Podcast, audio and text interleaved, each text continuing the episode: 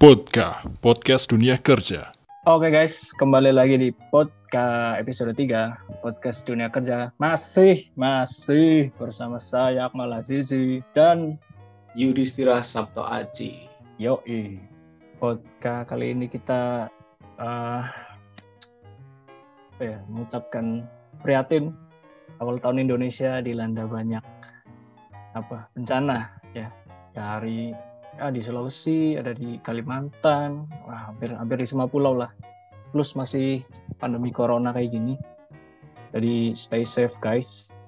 Jangan lupakan 3M. Uh, mungkin orang-orang akan menganggap itu sebagai ketidakberuntungan bencana-bencana Yeah. itu. Tapi mungkin ada yang lihat itu sebagai kesempatan bagi mereka yang selamat mungkin. Nah, kalau ngomongin keberuntungan, apakah keberuntungan itu nyata? Soalnya ya, kalau menurut saya nih, kalau keberuntungan itu nyata, harusnya bisa dieksploitasi. Apakah benar begitu, Mas? Oke Menurut saya eh, keberuntungan itu seperti suatu yang kebetulan namun sebetulnya nggak kebetulan Mm, artinya keberuntungan bisa muncul karena dari hukum sebab akibat apa yang pernah sudah kita lakukan. ya, Nah, sekarang hasilnya seperti ini dan ketika hasilnya adalah suatu yang baik, orang akan ngomong itu beruntung. mm, Tapi kalau hasilnya itu buruk, biasanya orang ngomong ini sial banget. ya, Artinya keberuntungan dan kesialan itu bukan serta merta saat ini tiba-tiba beruntung. Pak penduduk dapat duit satu juta misalnya nemu di jalan itu nggak nggak gitu. mm, Tapi itu adalah suatu hal yang ada alasannya, ada alasan yang per- mungkin sudah pernah kita lakukan di sebelumnya, hasilnya kita rasakan sekarang. Begitu Hmm. pula dengan kesialan. Jadi seperti hukum sebab akibat. ya, ya. Jadi kalau kayaknya ini ada hubungannya sama persepsi deh, Mas. Ya nggak sih? Ya, betul. Jadi terkadang kita eh, seperti halnya anak kecil ketika anak anak kecil lari, orang tuanya bilang, "Awas jatuh." Nah, apa yang terjadi? Kira-kira?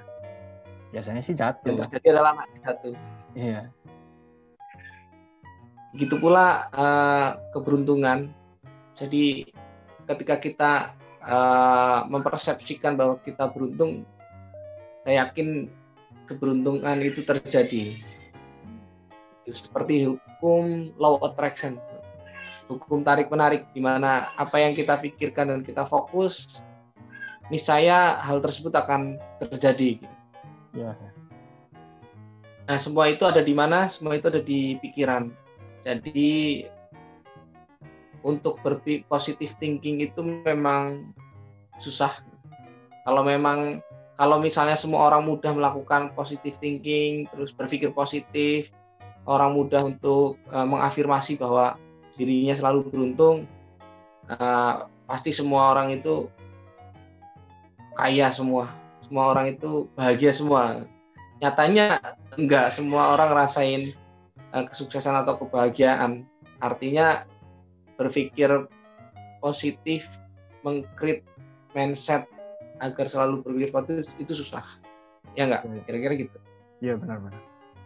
Malah ada orang-orang yang anggap kalau ada hari-hari tertentu dia beruntung gitu dan ada hari-hari tertentu dia sial gitu kan. Iya benar, benar. Atau tanggal tertentu gitu ya. Iya. Atau pakai baju warna apa gitu. Ah. Nah balik lagi sebetulnya terkait dengan hal tersebut eh, terlepas dari memang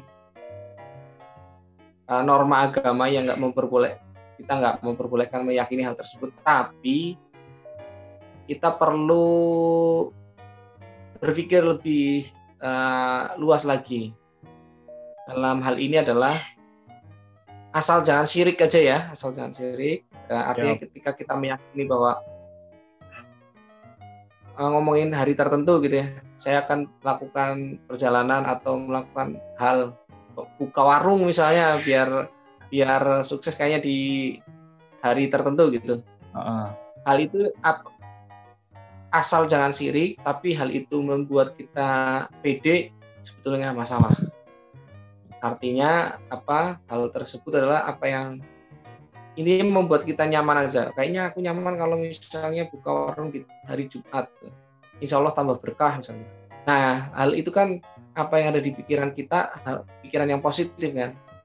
Nah, berpikir lebih luasnya itu maksudnya itu, tidak sempit. Tidak Iya, sempit iya. artinya eh, mendewakan hari atau mentuhankan hari itu kan nggak boleh. Tapi jika hal tersebut membuat kita ngerasa nyaman sehingga bisa berjalan lebih baik itu nggak masalah menurutku karena semua berdasarkan mindset kan ya. Kalau mindsetnya bagus ya jadi insya Allah hasilnya bagus. Hmm. Asal Jadi- jangan sirik tadi. Jadi ada penelitian yang dilakukan oleh Stephen Hales dan Jennifer Johnson dalam paper mereka yang masuk dalam jurnal Philosophical Psychology. Jadi mereka menemukan bahwa orang yang cenderung optimis akan melihat kejadian-kejadian ambigu seperti misalnya tadi itu sebagai keberuntungan. Alih-alih eh, para orang-orang yang pesimis menganggap kejadian-kejadian yang berada di kehidupan mereka itu dianggap sebagai ketidakberuntungan gitu. Jadi uh, selain positive thinking itu berarti optimis juga ini ya berpengaruh terhadap terbentuknya terbentuknya keberuntungan di kepala orang itu. Ya, betul. Nah, termasuk dia selalu optimis bahwa dirinya beruntung maksudnya gitu. Oh dia optimis. Nah, termasuk dia sangat optimis dan kegeeran atau kepedean. Iya, iya. Pede banget dia mengatakan dirinya beruntung. Nah, itu salah satu faktor juga yang mempengaruhi orang itu jadi beruntung. Ini pedenya Menurut saya pede dalam artian positif kan ya maksudnya kan ini kan GR yang positif itu kayak dalam gini. Iya iya. Ya. Orang yang eh, sering mengalami keberuntungan pasti akan menganggap semua kejadian yang dialami itu eh, sebuah keberuntungan. Walaupun mungkin kenyataannya sedikit berbeda, tapi eh, yang hebat dari orang-orang yang beruntung ini adalah informasi yang dia tangkap baik dari visual, dari eh, audit, auditori, audio gitu, Hmm. atau kinestetik rasa rasa eh, penglihatan pendengaran dia tangkap di dia tangkap di otaknya dan dia putarkan eh, dia putar mindsetnya jadi semua itu jadi hal yang positif Hmm. hebat hebatnya orang hebatnya orang beruntung adalah seperti itu Jadi bisa jadi informasi yang masuk ke otak ke pikiran bisa di switch gitu ketika sesuatu itu negatif dia dia switch eh, lihat dari sisi pandang yang eh, lebih positif Hmm. semisalnya gini hmm, di pekerjaan sering dimarahin gitu ya. Ya. Kalau dimarahin kamu salah ini salah itu biasa gitu. Informasi itu kan masuk ke otak. Informasi dimarahin itu kan masuk ke otak. Nah dia itu merubah mindset yang tadinya itu masuk ke otak itu dimarahin dia rubah mindset jadi sebuah tantangan. Hmm. atau hal tersebut tantangan kan. Wah artinya dengan dimarahin ya, aku dikasih tantangan lebih nih dari bosku nih. Akhirnya dia melakukan suatu hal yang lebih positif. Orang yang sial kebalikannya memandang bahwa suatu yang dimarahin itu jadi sebuah kesialan. Dia selalu, selalu ngerasa bahwa dirinya tuh wah padahal aku udah ngelakuin kayak gini masih aja dimarahin. Nah gitu. Pikir dua dua pemikiran yang berbeda kan. Ya. Uh, inputnya sama tapi uh, hasil pemikirannya berbeda. Satu memandang dia sebagai tantangan satunya memandang ini sebuah kesialan karena dia selalu dimarahin Hmm. itu hebat-hebatnya orang beruntung adalah gitu. Nah, lagi-lagi membuat mindset jadi selalu positif itu tantangan besar juga. Karena hal yang hal negatif itu lebih mudah menular ketimbang hal positif. Ya betul. Contoh lagi kalau misalnya ada produk, ini contohnya di dunia usaha aja ada produk satu orang bilang jelek, itu kayaknya nyebar ke 10 orangnya itu dalam waktu yang relatif singkat ya, ya kan?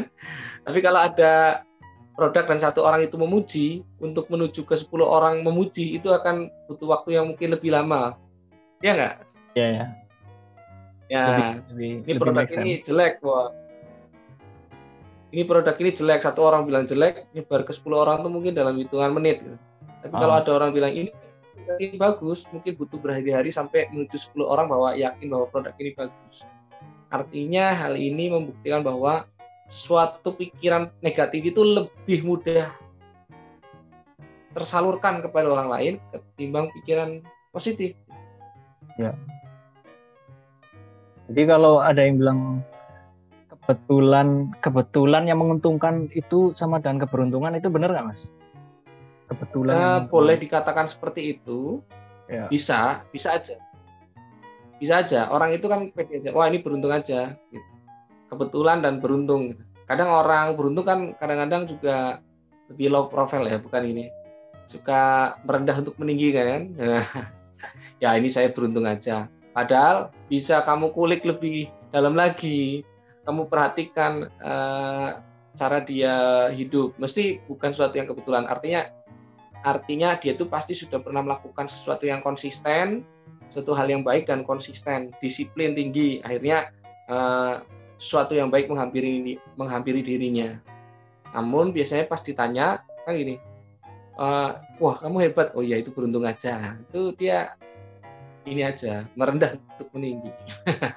Padahal dia sudah melakukan eh, banyak hal gitu kan. Seperti yang di ini loh, Raffi Ahmad kan sempat bilang bahwa oh saya itu kerja tujuh hari eh, seminggu kerja le- 16 jam masih banyak orang yang bilang kalau saya itu beruntung Iya, padahal padahal ya hasil kerja keras gitu kerja keras banget lah. Ya ya. Eh, terus apa? Masalah utama dari orang-orang yang nggak menganggap diri mereka beruntung itu apa sih sebenarnya? biasanya biasanya ya Mm-mm. hmm, kalau di ilmu psikologi itu harus ditres ditres ke masa dia kecil bagaimana orang tuanya mendidik biasanya dari situ Hmm. kita tidak menyalahkan orang tua namun pada prinsipnya eh, komunikasi yang paling dekat waktu kita kecil tentunya dengan orang tua Mm. Nah, bahasa-bahasa yang keluar dari orang tua atau lingkungan terdekat, hal-hal itulah yang membentuk diri kita. Makanya eh, buat teman-teman yang mau nikah terus mau punya anak gitu, selalu sisipkanlah kata kalimat-kalimat baik, kalimat-kalimat yang selalu memotivasi. Dari situ pertama, ayo dari lingkungan terdekat kita dari keluarga. Karena kata-kata itu eh, akan menancap di otak dan itu akan ngengker ngengker tuh menjangkar di otak pikiran kita di itu hal yang sangat krusial ketika ada anak kecil dikasih kata-kata nah, kita bayangkan ah, pikiran anak kecil ini kan pikiran anak kecil ini kan eh, masih seperti kertas kosong ya Tabula Nah, rasa. apa- kalau mau apa pun gitu ditulis apa pun mesti tercoret gitu Ya. apa pun itu. Jadi eh, tulislah yang baik-baik. Dari situ kemudian ke lingkungan berikutnya adalah lingkungan lingkungan eh, pertemanan nih, ya enggak? Ya. Lingkungan pertemanan dari lingkungan keluarga ke lingkungan pertemanan. Di situ juga membentuk karakter kita bahwa kita tuh eh, ngerasa diri kita tuh Maksudnya pola pikirnya itu pola pikir yang positif atau yang negatif. Kalau misalnya banyak pola pikir negatif yang menghasilkan kita yang selalu merasa bahwa kita tuh sial. Tapi kalau lingkungan membentuk kita itu eh, lingkungan yang positif ya selalu akan ngomong kalau ini beruntung. Itu dari situ awalnya.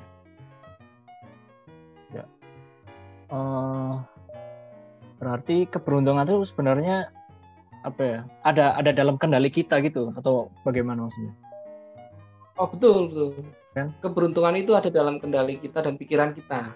Mm. Kenapa tadi kita bicara dulu kita bagaimana eh, merespon sebuah perilaku. Zaman kecil kita bagaimana melihat orang lain mere- mere- eh, ada sesuatu dan orang kita kan dulu melihat ya orang tua kita kita melihat orang yang lebih tua dari kita lihat teman kita ada suatu kejadian bagaimana mereka itu merespon gitu kan Ya. ya nggak nah eh, kejadian-kejadian bagaimana lihat ada tetangga kita dimarahin eh, anaknya dimarahin anaknya merespon seperti apa itu kan terekam di otak kita Mm. lihat eh, orang tua kita berantem bagaimana mereka saling merespon. Nah itu yang masuk ke dalam otak kita dan itu akan muncul ketika eh, tanpa sadar ketika kita dalam kondisi yang sama. Dimarahin kita ngelihat oh dulu kemarin itu aku ngelihat eh, tetanggaku kalau dimarahin responnya itu anaknya ngomong kata-kata kasar. Nah it- kita kayak memodel itu muncul kata-kata itu gitu.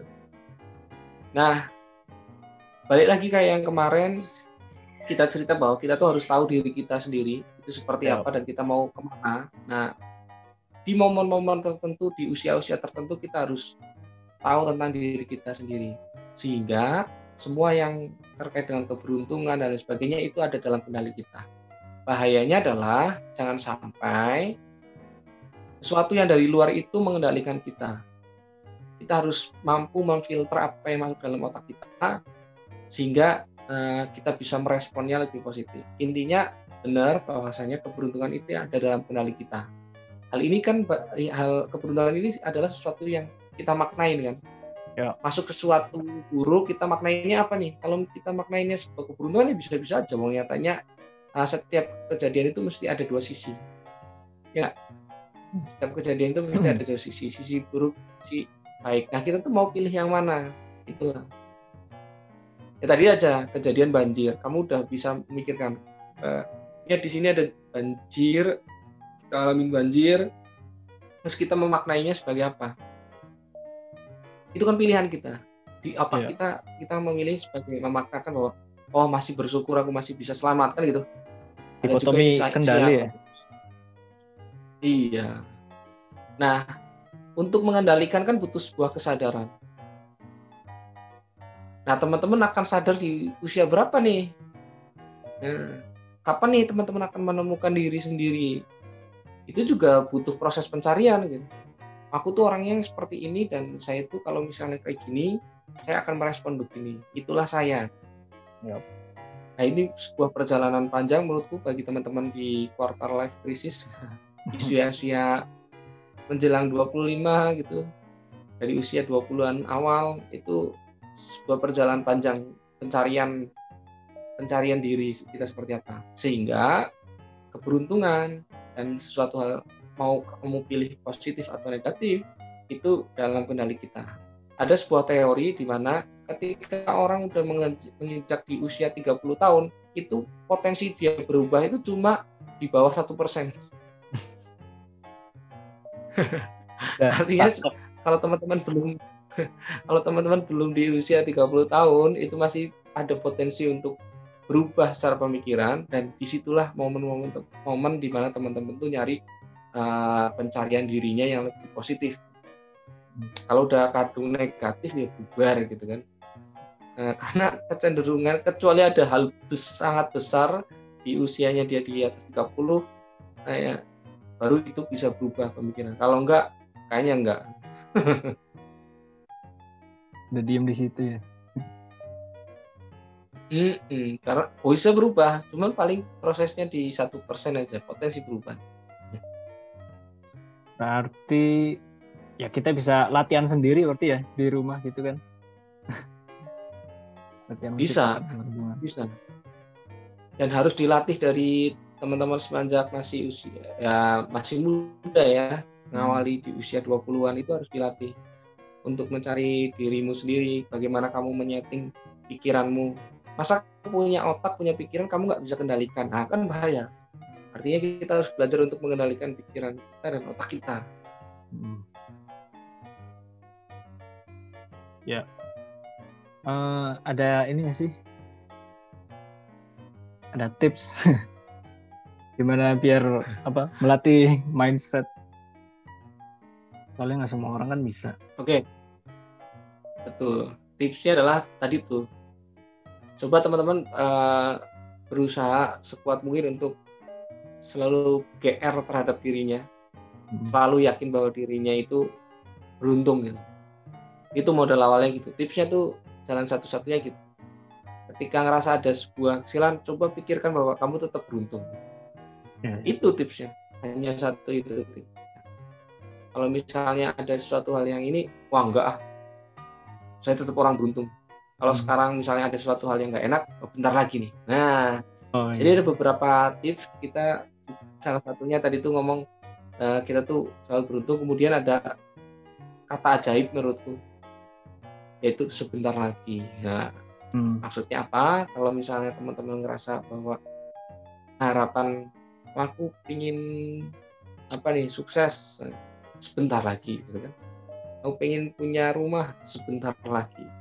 Nah, itu kata-kata ajaib yang membuat kita tuh semakin eh, tetap positif. Ya. Dua itu paling. Kita sok kepedean bahwa kita beruntung. Itu adalah selalu menggunakan kata-kata sebentar lagi. IPK-nya masih di bawah tiga, sebentar lagi tiga. Semoga tiga. Ya, tapi keberuntungan adalah hal yang datang dari diri kita sendiri dan nggak bisa jelas nggak bisa bergantung dengan keberuntungan orang lain ya atau malah bisa It, hmm, gimana ya? Mungkin bisa dikaitkannya gini. Kalau kita selalu ber- berteman, kalau kita berteman dengan tukang parfum, nah kita akan ikutan wangi. Gitu. Kalau kita berteman dengan orang yang selalu bicaranya positif, kita pasti akan ikutan positif. Baru gitu. Jadi bergantung dengan teman, artinya eh, aku maknai lebih ke eh, bergantung dengan teman yang seperti apa. Kalau temenmu itu selalu bicara negatif gitu, selalu bilang sial, selalu bilang eh, harusnya tuh nggak gini ya, selalu komplain dengan dirinya atau komplain dengan keadaan gitu.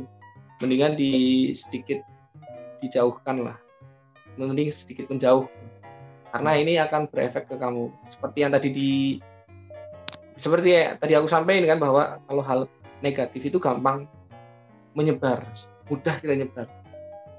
Ya nggak? lebih mudah Kalau menyebar kita punya temen yang gampang ngeluh, gampang kita punya teman gampang ngeluh, kita punya temen gampang menyalahkan keadaan gitu. Itu akan mudah kita tiru. Ya. Aku lebih memaknainya gitu. Oke, mungkin terakhir eh, dari aku lebih gini.